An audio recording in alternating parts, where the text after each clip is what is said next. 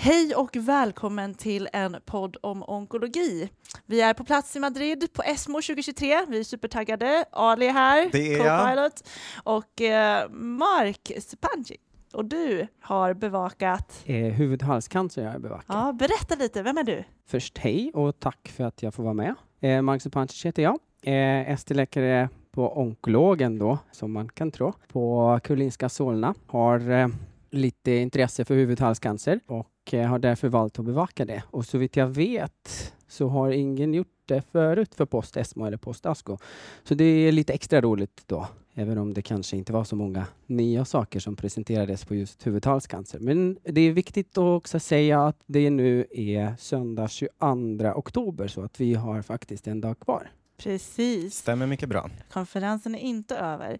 Men om vi bara börjar lite, hur är stämningen på, post, eh, på ESMO i Madrid? Jag eh, måste börja med att säga att jag faktiskt förstår meningen med... Eh, jag vet att när jag anställdes så sa min dåvarande chef eh, alla får vara med på en stor konferens en gång.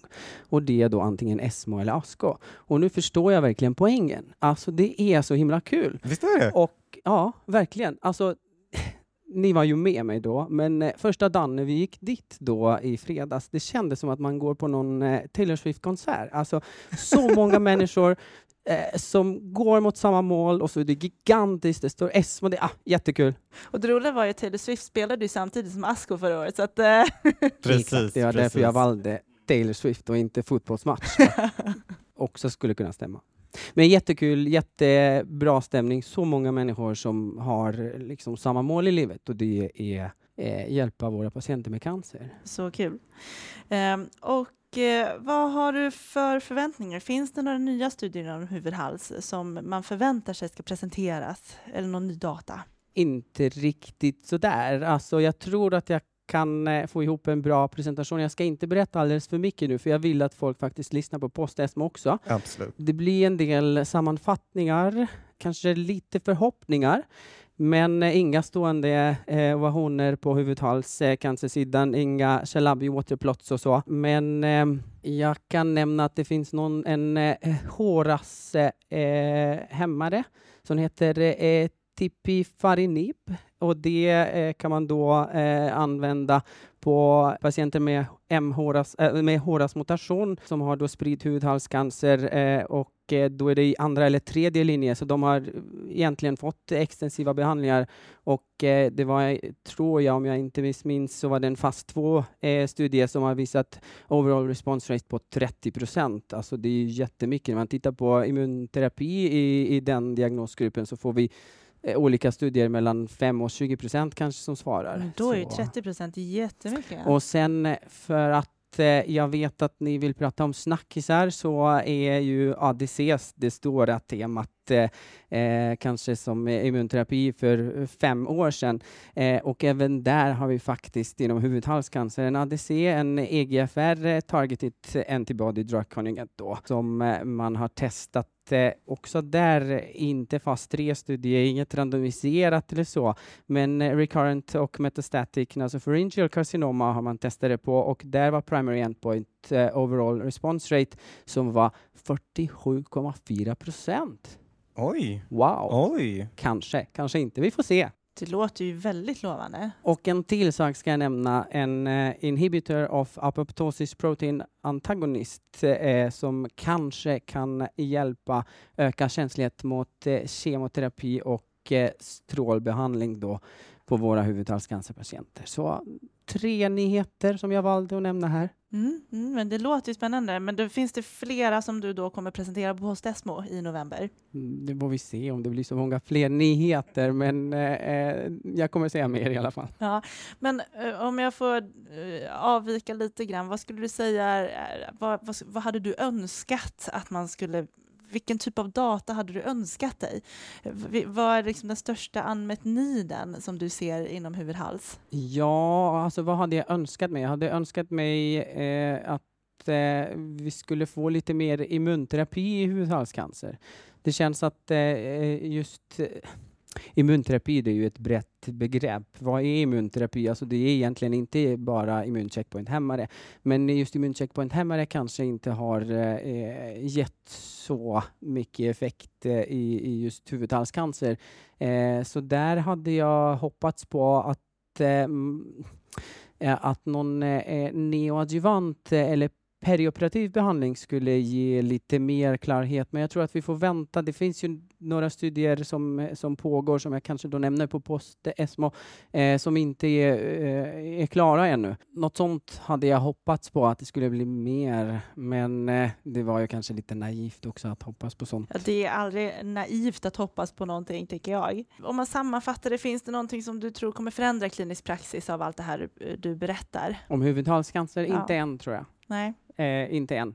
Det var en intressant session idag eh, som jag inte har riktigt sammanfattat för mig själv än, så jag tänker inte gå in så mycket på det, men det är lite om eh, eh eskalering, deeskalering av, eh, av eh, eh alltså då kemoradioterapin på, på våra huvudhalscancerpatienter. Eh, de är, om vi tittar nu på orofarings HPV-positiva, de har jätte jättebra överlevnad. Eh, och där vill man ju åstadkomma mindre tox eh, av eh, tuffa behandlingar. Eh, och eh, det var faktiskt intressant. Alltså, man måste ibland ta ett steg tillbaka och titta på allt vi har och, och vad vi gör.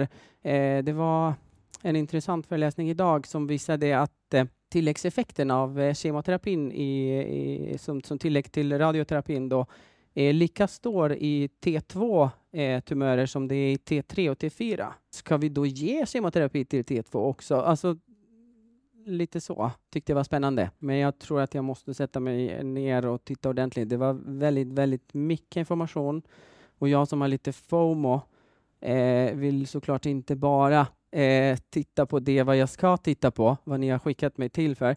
Eh, jag gör det, så, jag lovar, men jag vill se allt annat också, för det är så mycket coolt och häftigt som presenteras. Ja, det är svårt att låta bli. Det är svårt att låta bli. Ja. ja. Vad är snackisen då? Ja, vad är, snackisen? Vad är årets snackis? Eh, jag vill inte ta för mycket av eh, Fernandas podium här, men det var faktiskt uroonkologerna som var, tror jag, mest glada idag eh, och eh, eh kanske några farmabolag då. Men eh, det är en, en ny ADC då där som har äntligen efter 40 år cisplatin på eh, blåscancer, alltså eh, visat effekt idag. Eh, och eh, det var lite tråkigt kan jag tänka mig för BMS, för eh, de hade också en studie Eh, och då var det eh, Niva med eh, Gemsis eh, som har gett eh, förbättrat OS.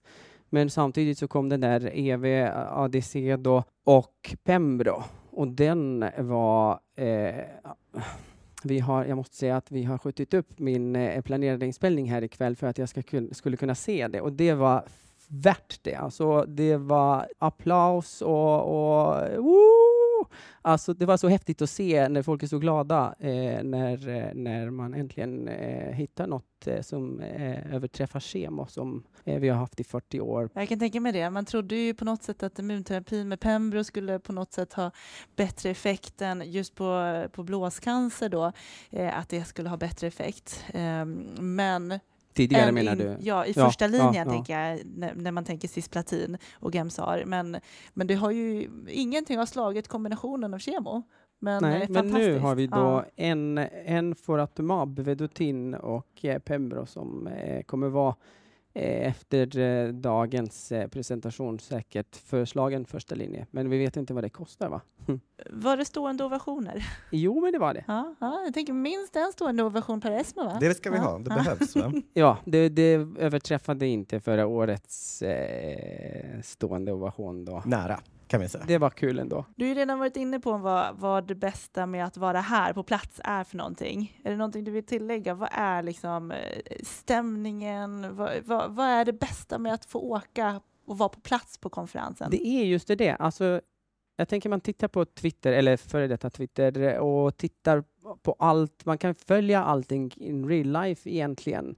Men man ser bara bilder. Man, man får inte med Eh, man upplever inte det. Eh, alltså jag såg datan från förra Esmo när ni två var där, men det var inte lika kul att se eh, datan presenteras. Eh, så jag tycker att det är jättekul att vara här och känna, eh, känna känslan. Eh, och träffa nya kollegor. Alltså jag träffade dig Ali här du och ja, vi hade jättekul ja. tycker jag hittills i alla Både fall. på konferensen och utanför. Så eh, sånt här tycker jag är, är, är viktigt. För vi ska ändå äh, vårt jobb är ju så himla seriöst och jag tycker att det är kul när vi hittar så mycket glädje i, i, i, i det. Så du kan rekommendera andra att åka på konferensen? Absolut. Nu har jag inte gjort post Esmo än och inte suttit och skrivit alltihopa, så jag vet inte om det var riktigt värt det. Så jag ska inte lova för mycket, men ja, det är jätteroligt. Ja, men det är viktigt att du tar upp det där, Mark. Det är ju bra på något sätt att förmedla att får man, framförallt tänker jag som ST-läkare eller som ung onkolog, chansen att att delta på någon form av större internationell konferens, ESMO, ASCO, liksom att passa på. Den här liksom, gemenskapen är ju unik. Ja, jag tycker det. Uh, håller med. Och uh, också pr prata, prata framför folk så mycket man kan. Uh, jag tror att vi alla är nervösa i början, men man måste öva. Tusen tack för att du tog dig tid och berätta om ESMO huvudhals och vad som är på gång. Vi är jätteglada att ha haft dig här i podden. Tack så mycket Mark. Det var jättekul att vara med. Tack. Tack. Hej och välkomna till ännu ett avsnitt, en podd om onkologi. Vi fortsätter att rapportera live ifrån ESMO Madrid 2023. Eh, nu gästas jag och Lisa av eh, Mikael Johansson och Peter Benson. Eh, ni skulle kunna få presentera er och berätta lite grann vad det är för tumörområde som ni bevakar under ESMO i år. Ja, eh, under Mikaels vingar så bevakar vi tillsammans lungcancer. Och eh, var arbetar ni någonstans? Jag arbetar på Sahlgrenska universitetssjukhuset och onkologkliniken. Och jag arbetar på eh, Cancercentrum vid Norrlands universitetssjukhus och institutionen för strålningsvetenskaper vid Umeå universitet. Väldigt välkomna. Eh, jag tänkte börja fråga er. Eh, jag var också på Presidentials igår och skulle säga att eh, det kändes som att lungcancer var ett av områdena som diskuterades ganska mycket. Hur, hur ser det ut i dagarna som har varit tills nu? Har ni fått ta del av några spännande studier och data och vill ni berätta lite? Ja, men vi kanske börjar med det största paketet eftersom du nämnde Presidential då. Att eh, det var ju väldigt mycket, det var ju nästan bara lungcancer, någon enstaka eh, tyroideacancer som slank in däremellan på Presidential eh, och det var ju väldigt väl, väl med folk inne i salen. Och om vi börjar då med Presidential så kan man ju börja med Alina-studien där man jämförde Alectinib, eh, en alkhemmar då, och förutsättningen då naturligtvis att det var icke småcellig lungcancer stadium eh, 1 till 3 och eh, man randomiserades då mellan Alectinib, den här alkhemmaren och eh, platinumbaserad kemoterapi. Och konklusionen var ju otvetydigt att det försenade tiden till återkomst av sjukdom. Medianen till återfall för kemoterapiarmen var 41 månader och Eh, för eh, de som fick Alectinib i den armen så var den inte nådd. Och jag ögnade bara kurvan lite och, och det var ju ganska stora skillnader bara efter två år. För det var ju nämligen så att eh, det var ju en stor skillnad och något som kom upp i diskussionen efteråt också då att eh, de som fick kemoterapi fick, fick ju det i ungefär två månader jämfört med två år med eh, Alectinib. Så man kan ju säga att det var ju lite som att eh, riva av plåstret snabbt eller väldigt långsamt. Det här är ju en spännande studie som med stor sannolikhet kommer att förändra våra behandlingsrutiner. Vi har ju sedan något drygt år tillbaka målriktad behandling i den adjuvanta situationen för opererade lungcancerpatienter som har EGFR-mutationer. Och här kan man väl säga att den här studien var ju kanske inte resultaten så oväntade på. Och eh, jag skulle tro att vi inom en ganska kort framtid kommer att se fler målriktade terapier kliva in som adjuvanta behandlingar vid lungcancer. Men en väldigt intressant diskussion, för jag skulle ändå särskilt nämna, nämna diskussionen efter den som väldigt bra. Nu får jag erkänna att jag glömde vad diskussanten hette, men hon tog ju upp detta med att eh, det är ju inte alldeles enkelt att äta den här åtta stycken tabletter i två år. Att det kan ju gå un an undan för undan, men det är, det är ju frågan om den är redo att bestämma practice riktigt ännu innan man har fått total överlevnad. Men det ser ju lovande ut. Spännande och, och också, tänker jag, kunna ta del av en så pass eh, en adjuvantstudie med så starka data. Um, är det någonting annat som ni har fått ta del av som har varit extra spännande? Ja, men om vi håller oss presidential så lite snabbt Selpercatinib i en eh, fas 3-studie då när man jämförde Selpercatinib, en rätthämmare vid rättvision då mot standard, eh, det vill säga kemoterapi platinumbaserad med eh, Pembro. Och där utföll det ju väldigt tydligt positivt till eh, till Selpercatinibs fördel då med nästan fördubblad, eller inte bara nästan utan fördubblad median PFS då från 11 till 24,8 månader ett övergripande tema. Det var extremt mycket lungcancer så vi måste nästan hålla lite tempo här känner jag.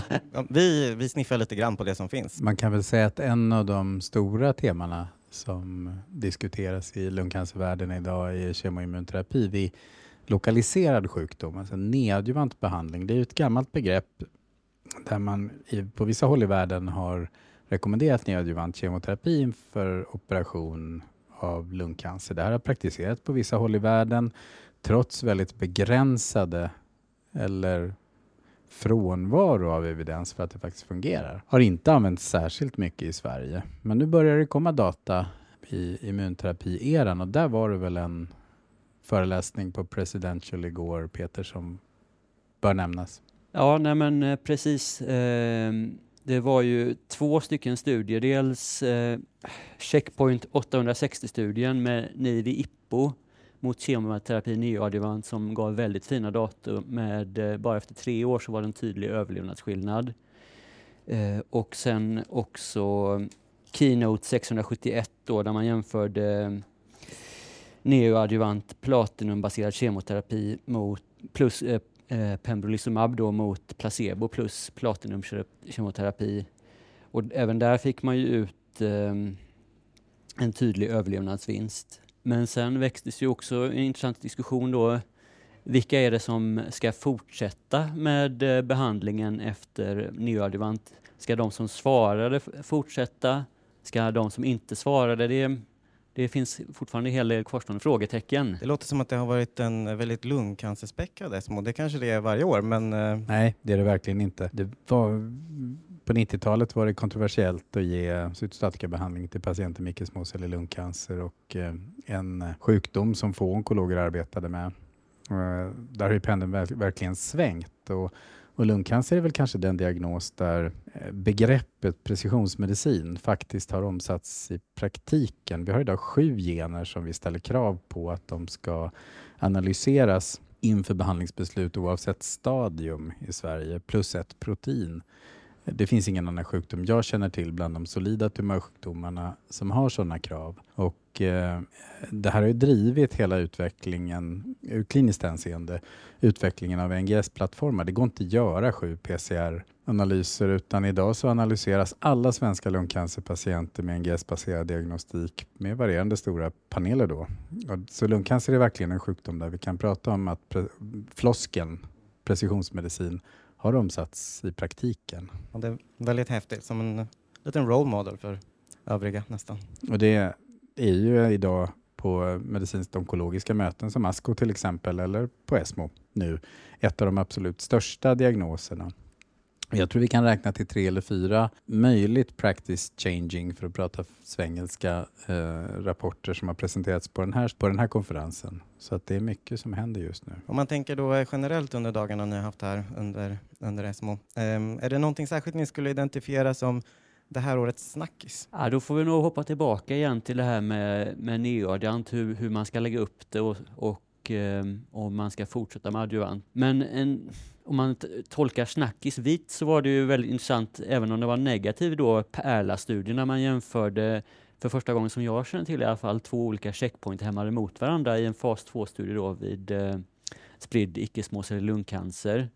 Nu var den ju förvisso negativ, men det, ja, nej, men det, det, var intressant att man första gången man gjort, har gjort det. Ja, det håller jag verkligen med om. Vi saknar ju den typen av studier idag. Vi har fyra, eller beroende på hur man ser det, fem olika approacher för behandling med kemoimmunterapi hos patienter med metastaserad icke-småcellig lungcancer. Vi har inga direkt jämförande studier. Så det här tycker jag håller helt med dig Peter, att det här var en intressant öppning där man jämförde, eh, det var väl dostarlimumab, dostarlimumab och eh, ett preparat som används vid rektalcancer och pembrolizumab som jämfördes utan några större skillnader. Men det var en head-to-head jämförelse. Det skulle vi vilja se mer av egentligen. Och så slutligen, hur, vad tycker ni är det bästa med att, att vara här på plats i Madrid och ta del av ESMO rent fysiskt? Ja, men då får jag nog, från ett personlig synvinkel så var det väldigt skönt att kunna ta del av det tillsammans med, med Mikael, att vi kunde, ja, men, hade man suttit hemma på kammaren så hade jag ju, hade det varit svårt att diskutera på samma sätt. Och sen också ett, ett stort eh, personligt kul var att se Hanahan då bakom Hallmarks of Cancer prata igår. Jag håller helt med dig Peter. Det har varit fantastiskt kul att få hänga med dig och eh, diskutera ett ämne som är min vardag och kanske inte din vardag, men, men, men det har varit roligt. Och det här Postesmo-konceptet där vi liksom reser en specialist och en blivande specialist tillsammans, det är, det är kul. Sen håller jag med dig, jag blev också starstruck. Det var lite som att se Elvis. ja, och Peter, du kommer ju att presentera det här eh, under Post Esmo. Så det, ska vi, det blir väldigt spännande. Då kan vi ta del av allt i detalj. Vi tackar så jättemycket Peter och Mikael för att ni ville vara med i vår podd under Esmo heter det. Tack. Tack. Tack för att vi fick komma.